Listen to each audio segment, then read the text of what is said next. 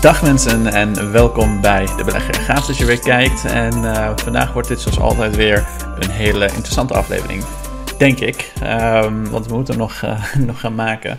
Maar ik ga proberen de vraag te beantwoorden wie de beste financiële adviseur, financieel adviseur is in Nederland. En daarnaast gaan we ook kijken naar wat zijn de belangen van de AFM zelf. Want Iedereen heeft uiteindelijk een belang, iedereen heeft een financieel belang. Of dat nou influencers zijn, vermogensbeheerders, de AFM, de Nederlandse overheid.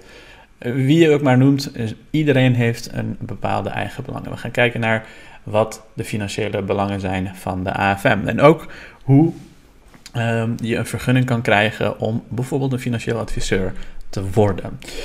Dus, al met al, hele interessante aflevering. Laten we beginnen eerst, eh, zoals gewoonlijk, met een hele korte portefeuille-update vandaag. 3.500 euro in de plus, bijna een procent staan we in de plus vandaag. 403k staat mijn portefeuille weer op.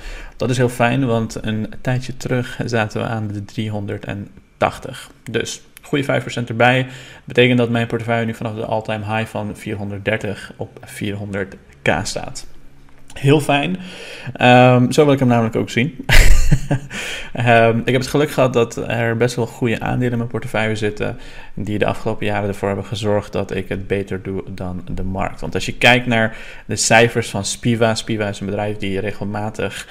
Um, onderzoek doet naar hoe bijvoorbeeld grote fondsmanager, grote nou, uh, mensen die bijvoorbeeld advies mogen geven over beleggingen en dergelijke. Uh, maar die zelf ook gewoon fondsen hebben opgericht om voor het geld van andere mensen te beheren. Hoe zij presteren tegenover uh, zoiets simpels als een strategie waarbij je gewoon simpelweg de SP 500 koopt. Dus de, de, de, de, ja, de, de, de index koopt als het ware.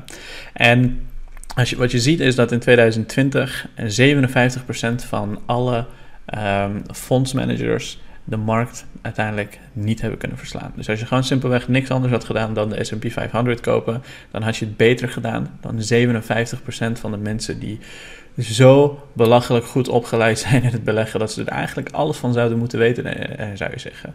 Um, uh, die hebben verschillende PhD's, die hebben verschillende studies, verschillende regelgeving waar ze aan voldoen enzovoort. En toch lukt het ze niet om gewoon heel dom eigenlijk als een gewone huisvrouw of een uh, gewone huisman um, de S&P 500 zou kopen, die zou dus beter hebben gedaan dan al deze mensen die uh, ervoor gestudeerd hebben.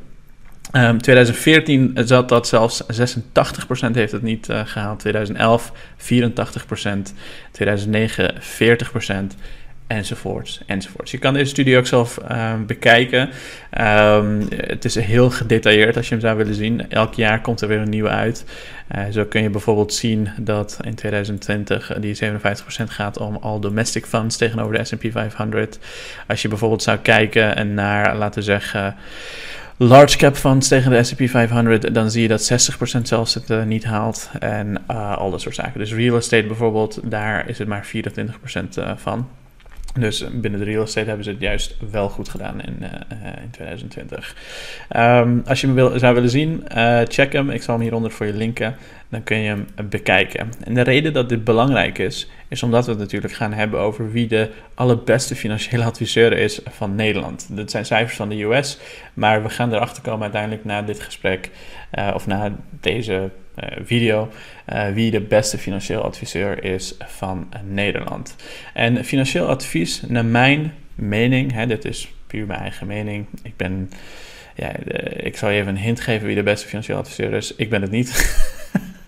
um, naar mijn mening is financieel advies veel breder dan rendementen. Of welke aandeel je moet kopen of welke strategie je moet volgen, al dat soort zaken. Dat, is, dat zijn allemaal bijproducten. Dus eigenlijk, naar mijn mening, is dat het allerlaatste stap wat je zou moeten nemen of kunnen nemen.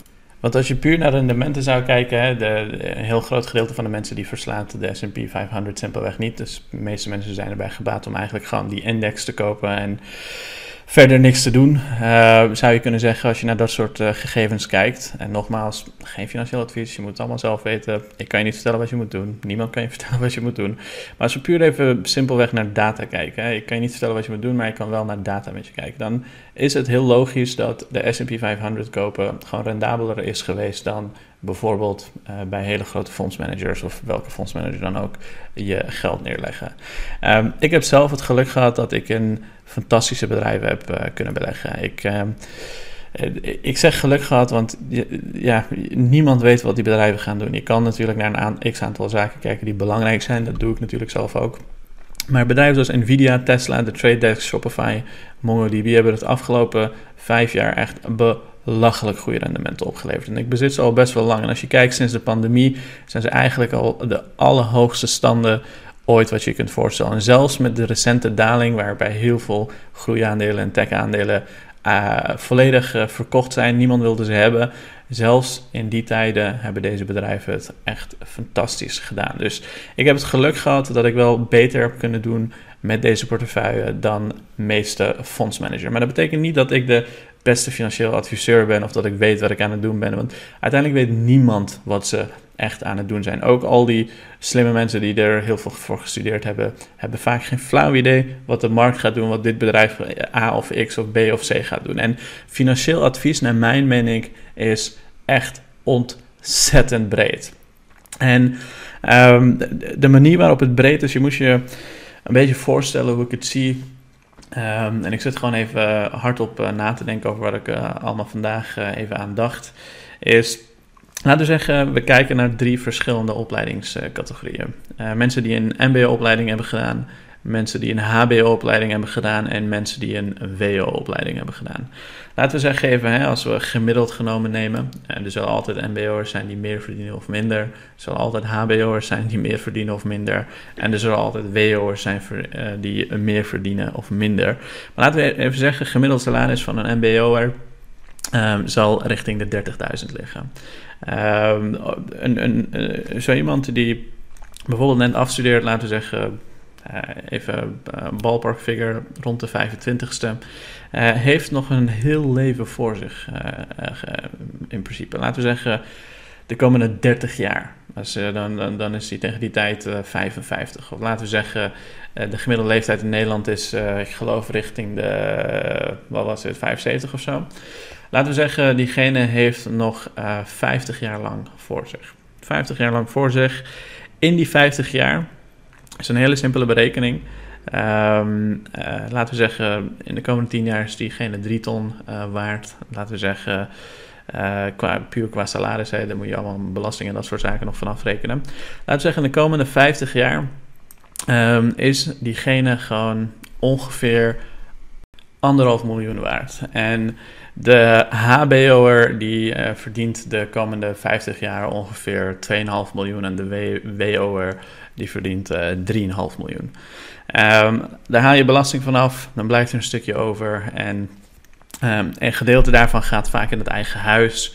Een gedeelte uh, kan je bijvoorbeeld bijbeleggen en een ander gedeelte die besteedt diegene zoals een hartje begeert, als het ware.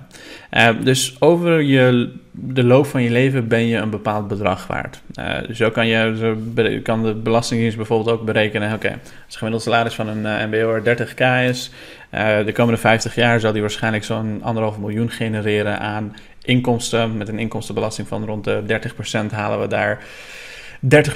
30% vanaf, wat ruwweg uitkomt op, laten we zeggen, 5 ton. Dus de gemiddelde MBO'er is over, over zijn levensloop ongeveer 5 ton waard voor de Belastingdienst, voor zichzelf ongeveer uh, een miljoen waard. Uh, waarvan, laten we zeggen, 2, 3 ton in een eigen huis gaat en 7 ton vrij besteedbaar is om dat uh, of te gaan beleggen voor een pensioen of whatever ze ook met dat geld doen. Um, en in die 50 jaar kan er gewoon belachelijk veel gebeuren. En heel veel mensen, naar mijn idee, focussen zich op rendement, op welke type uh, financieel product ze moeten kopen en al dat soort zaken. En naar mijn idee, om goed financieel advies te krijgen, moet je gewoon echt heel erg goed weten wat er in het leven van diegene aan de hand is. Als je kijkt naar de verschillende boeken, ik heb een aantal verschillende boeken gelezen, bijvoorbeeld een daarvan is Stability of Happiness. Daar wordt gesproken over zoiets als hedonic adaptation hele interessante concept. Uh, je zou het kunnen vergelijken met zoiets als lifestyle inflation, dus life, levensstijl inflatie. Dat hoe meer je gaat verdienen, hoe hoe meer je wilt gaan uitgeven. Maar hier is het wel, heeft het net een andere, andere benaming. Um, je zou het moeten kunnen zien dat mensen redelijk hedonistisch zijn. Hè? Dus die, die, die jagen geluk na.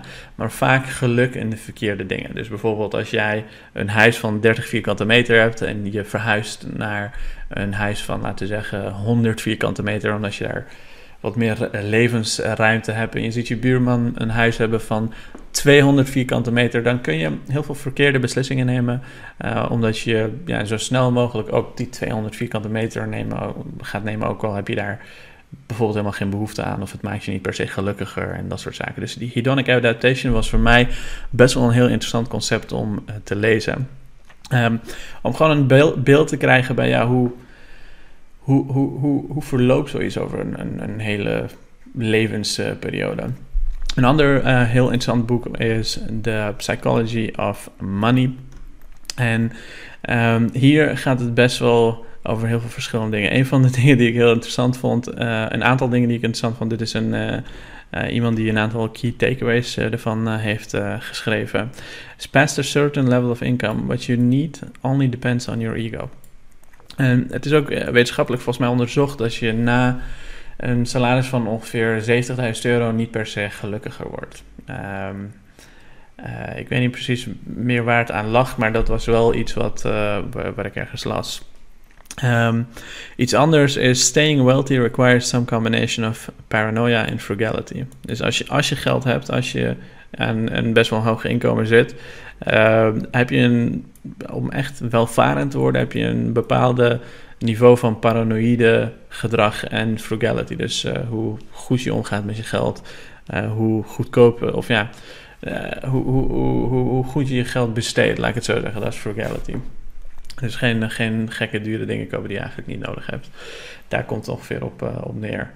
Um, je leven is zo ontiegelijk breed. Er kan zoveel gebeuren in de komende 50 jaar dat je eigenlijk Um, uh, dat, dat niemand je daar eigenlijk advies over kan geven, denk ik. Uh, je kan zomaar je arm breken, je kan je tong breken, of nou, die, je, je valt ergens, je wordt op een bepaalde manier gehandicapt. Um, uh, daar heb je allemaal verzekeringen voor die je bijvoorbeeld zou kunnen afsluiten. Dit kan gewoon in de komende 50 jaar zo belachelijk veel met jou persoonlijk gebeuren. En dan hebben we het nog niet eens over wat er op de wereld zou kunnen gebeuren, zoals bijvoorbeeld een COVID-pandemie of um, een of andere financiële crisis of allerlei dat soort zaken. En uh, om een beeld van, daarvan te krijgen is het, denk ik, uh, voor mij persoonlijk dan heel erg belangrijk om, uh, als je doelen gaat stellen, financiële doelen gaat stellen, dat je eigenlijk al die verschillende facetten van het leven meeneemt. Dus wat maakt mij persoonlijk uh, gelukkig over 50 jaar bijvoorbeeld? Is dat puur, laten we zeggen, 2,5 miljoen hebben? Is dat, is dat het enige wat, wat, wat mij gelukkig zou maken? Of dat ik 4000 euro in de maand van dividend uh, krijg? Uh, dat, ja. dat einddoel, daar, is, denk ik, daar, daar zijn heel veel mensen op gefocust. Maar dat is eigenlijk, naar mijn mening, is dat geen enkel vorm van. dat heeft niks met ja, met, met, financieel advies of iets dergelijks te maken. Is, uh, financieel advies is zo ontiegelijk breed dat eigenlijk de enige persoon die je echt goed financieel advies kan geven, dat ben je zelf. Want jij weet wat je gelukkig maakt, jij weet wat je uh, over de komende jaren wil bereiken, jij weet wat jouw uh, uh,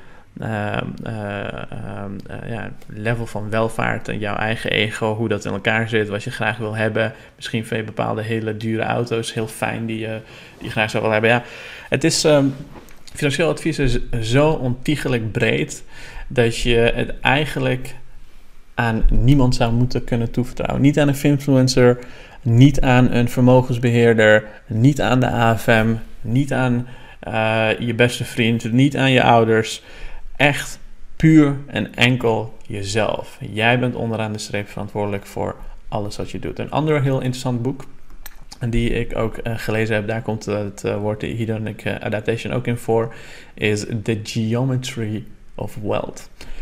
Super, super interessant boek. Je leert hier echt ontiegelijk veel over je persoonlijke financiën als je daar geïnteresseerd in bent. Um, dit zijn boeken die, die je echt heel tof uh, aan het denken zetten. Uh, zo hebben ze bijvoorbeeld een stukje over orthodontisten. die leken echt de meest onkwetsbare mensen als het op hun werk aankwam. En toen kwam zoiets als de Smile Direct Club of een Invisalign, die gewoon hun hele werk eigenlijk van ze overneemt. Waar je gewoon thuis je eigen tanden recht kan zetten, bijvoorbeeld. Weet je wel. Um, en zoiets, ja, daar moet je ook gewoon op, op voorbereid zijn op, op een of andere manier. Dus financieel advies gaat zo ontiegelijk ver. Je persoonlijke financiën zijn zo breed en zo belangrijk. Uh, dat je dat eigenlijk niet aan andere mensen kan overlaten. Wat dit boek uh, uh, heel erg mooi uiteindelijk uh, ook op, op, een gegeven moment zegt, is dat mensen over het algemeen gewoon heel slecht zijn in het maken van doelen die ze een goed, gelukkig en welvarend leven geeft. En je financiële beslissingen zijn daar gewoon ontzettend belangrijk in. Denk aan zoiets als bijvoorbeeld trouwen, scheiden. Al dat soort zaken zijn zo complex en zo ja, iets wat jij eigenlijk alleen maar zelf zou, zou kunnen weten. Dus Um, ja, dat waren een beetje mijn gedachten vandaag die ik had over, over financieel advies. Um, naar aanleiding van dat, uh, dat, dat, hele gebeuren rondom uh, de AFM. En laten we ook even kijken naar wat de AFM zelf als belang heeft. Want als je kijkt naar hun website, hoe zij hun geld verdienen, uh, dan is dat best wel interessant. Wat en waarom? De AFM houdt toezicht op de financiële markten. Samen met de financiële ondernemingen maakt zij zich sterk voor duurzaam financieel welzijn in Nederland. Hoe verdienen ze geld? Hele financiële sector, alle financiële ondernemingen die onder toezicht staan, betalen een jaarlijkse bijdrage aan de begrote toezichtkosten van de AFM. Als je een beetje hebt opgelet tijdens mijn uh, vorige video over de AFM, dan weet je dat zij bijvoorbeeld uh, geen reiskosten dekken, omdat ze zeiden dat we wel onder een toezicht vallen, maar wij betalen natuurlijk als finfluencers zijnde niks aan de AFM. Um, ehm, terwijl bijvoorbeeld grote marktpartijen, hier, uh, ik vraag ze hier bijvoorbeeld. Uh, Um, ik vroeg ze uh, ja, wie die marktpartijen zijn die ervoor betalen. En financiële instellingen betalen voor toezicht en verplichte heffing. Dus de, de AFM die verdient zijn geld vooral door heffingen, vergunningen, dat soort zaken. Um, maar hoe per categorie ondernemingen vallen in 16 categorieën. Elke categorie kent een vaste percentage van de totale toezichtkosten. Het percentage volgt uit de toezichtsspanningen voor de betreffende categorie. De verdeling van de kosten is op basis van draagkracht en omvang van ondernemingen. Dus uh, zij worden eigenlijk gefinancierd onderaan de streep. Het is wel een verplichte heffing natuurlijk. Maar zij worden onderaan de streep gefinancierd door allerlei partijen zoals banken, vermogensbeheerders Dus zij hebben er alle baat bij dat er meer vermogensbeheerders komen, meer banken. En daarmee krijgen zij meer geld om hun toezicht te kunnen financieren. Um, dit vond ik ook interessant. Wat gebeurt er met het geld van de AFM ehm, aan boetes en dwangsommen? Boven de 2,5 miljoen dragen we het af aan de overheid. Dus alles onder de 2,5 miljoen komt in de zakken van de AFM en daar verdienen ze dus ook geld mee. Dus dit zijn de belangen van de AFM. De belangen van de AFM zijn om niet heel veel influencers te hebben. Dat is heel duidelijk, want influencers dragen geen euro bij aan de AFM.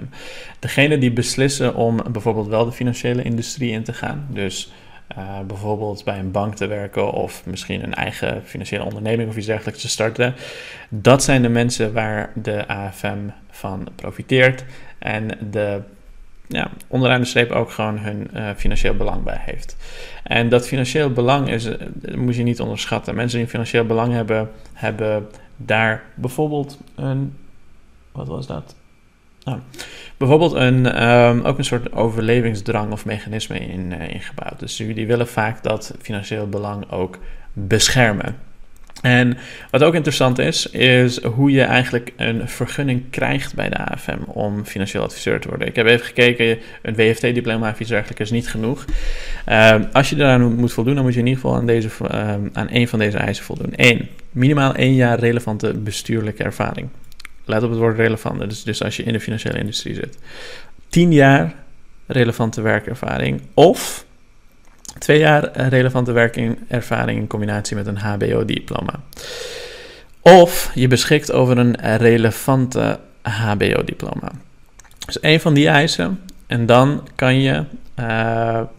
Ja, er zijn heel veel meer eisen hoor, maar dit is even de, de, een paar harde eisen.